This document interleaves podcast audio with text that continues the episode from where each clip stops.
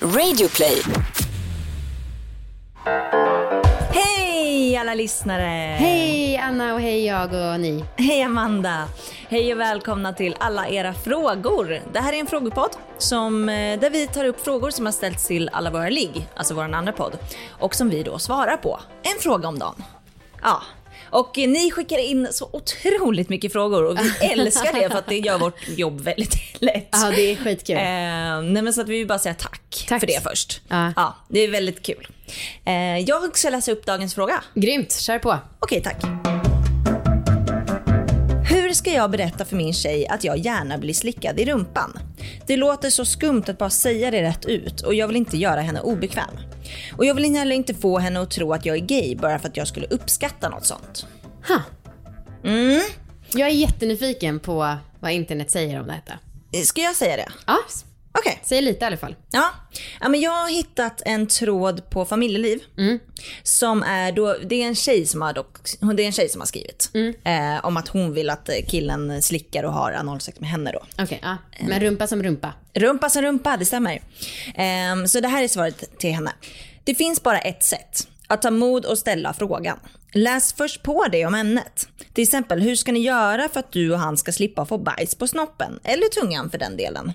Kan du på något sätt väcka ett intresse hos honom genom att titta på porrfilmer eller liknande där analsex ingår? Mm. Vill du läsa upp andra svaret Amanda? Det vill jag verkligen. Och det är också från familjeliv och det lyder så här. Jag och min fru brukar ibland ha lite honung att leka med. Låt det rinna lite och be honom slicka upp det.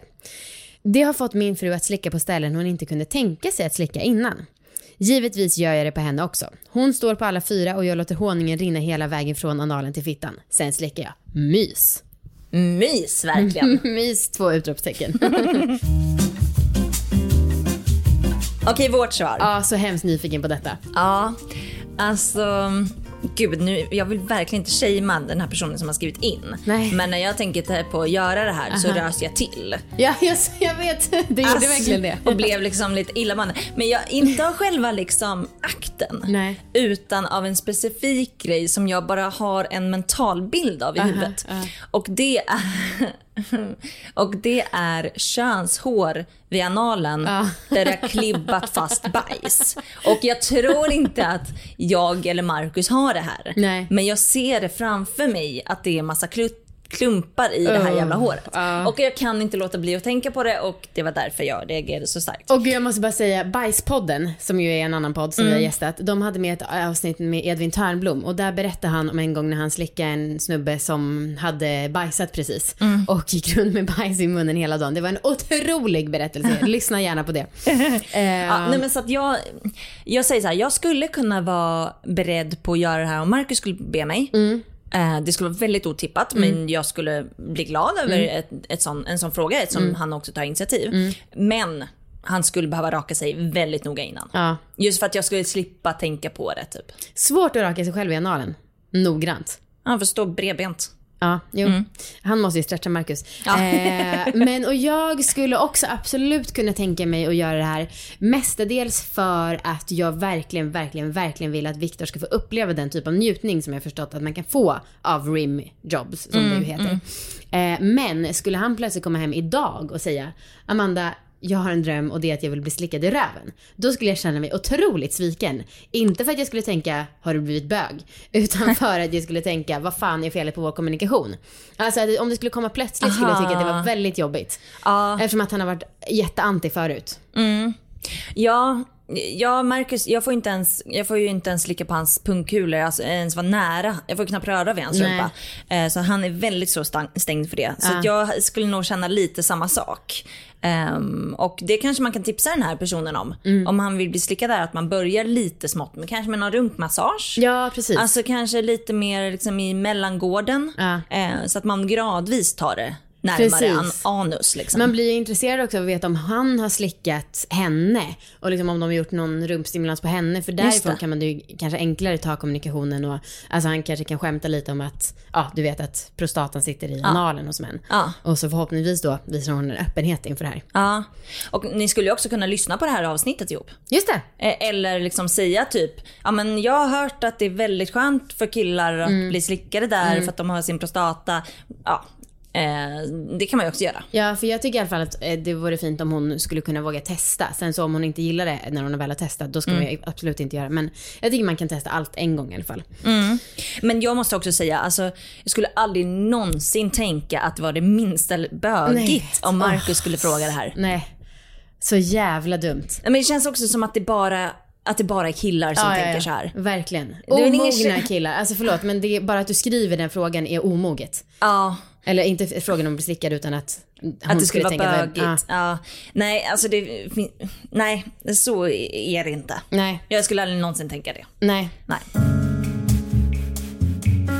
Men vi har såklart en expert med Ja. oss och det här, eh, det här kanske handlar om att göra grejer i allmänhet i sängen som man, eller snacka med eh, partnern. Det handlar inte just om rim, rimming. Eh, och sen så har vi med då en parterapeut som heter Jonas Gåde. Ehm, jag vet inte vem det är, han verkar ha fått en del kritik för att vara lite sektig. Men han hade ändå kommunikationstips när det gällde just det här med att göra saker i sängen. Eh, första tipset är, var ärlig. Detta är en grundförutsättning. Det kan tyckas som en självklarhet, men det är lätt att man inte är helt rak eller bara tar upp saker till hälften. Det är därför inte konstigt att när par ska prata med varandra om sina sexuella behov så blir kommunikationen indirekt svepande och ganska trevande. Nästa punkt. Berätta om dina erfarenheter, tankar, känslor och behov istället för att säga vad du tycker är fel i den sexuella relationen. Ja, det känns viktigt. Och sen sista då, av ett utdrag från hans eh, skrift. Visa respekt. Nyckeln till att la- tala om sex är att göra det varsamt och med ett stort mått av respekt. Tänk på att du måste respektera din partner så att inget sker mot hennes eller hans vilja. Om sexlivet är spännande och hett är chansen stor att relationen fungerar bra.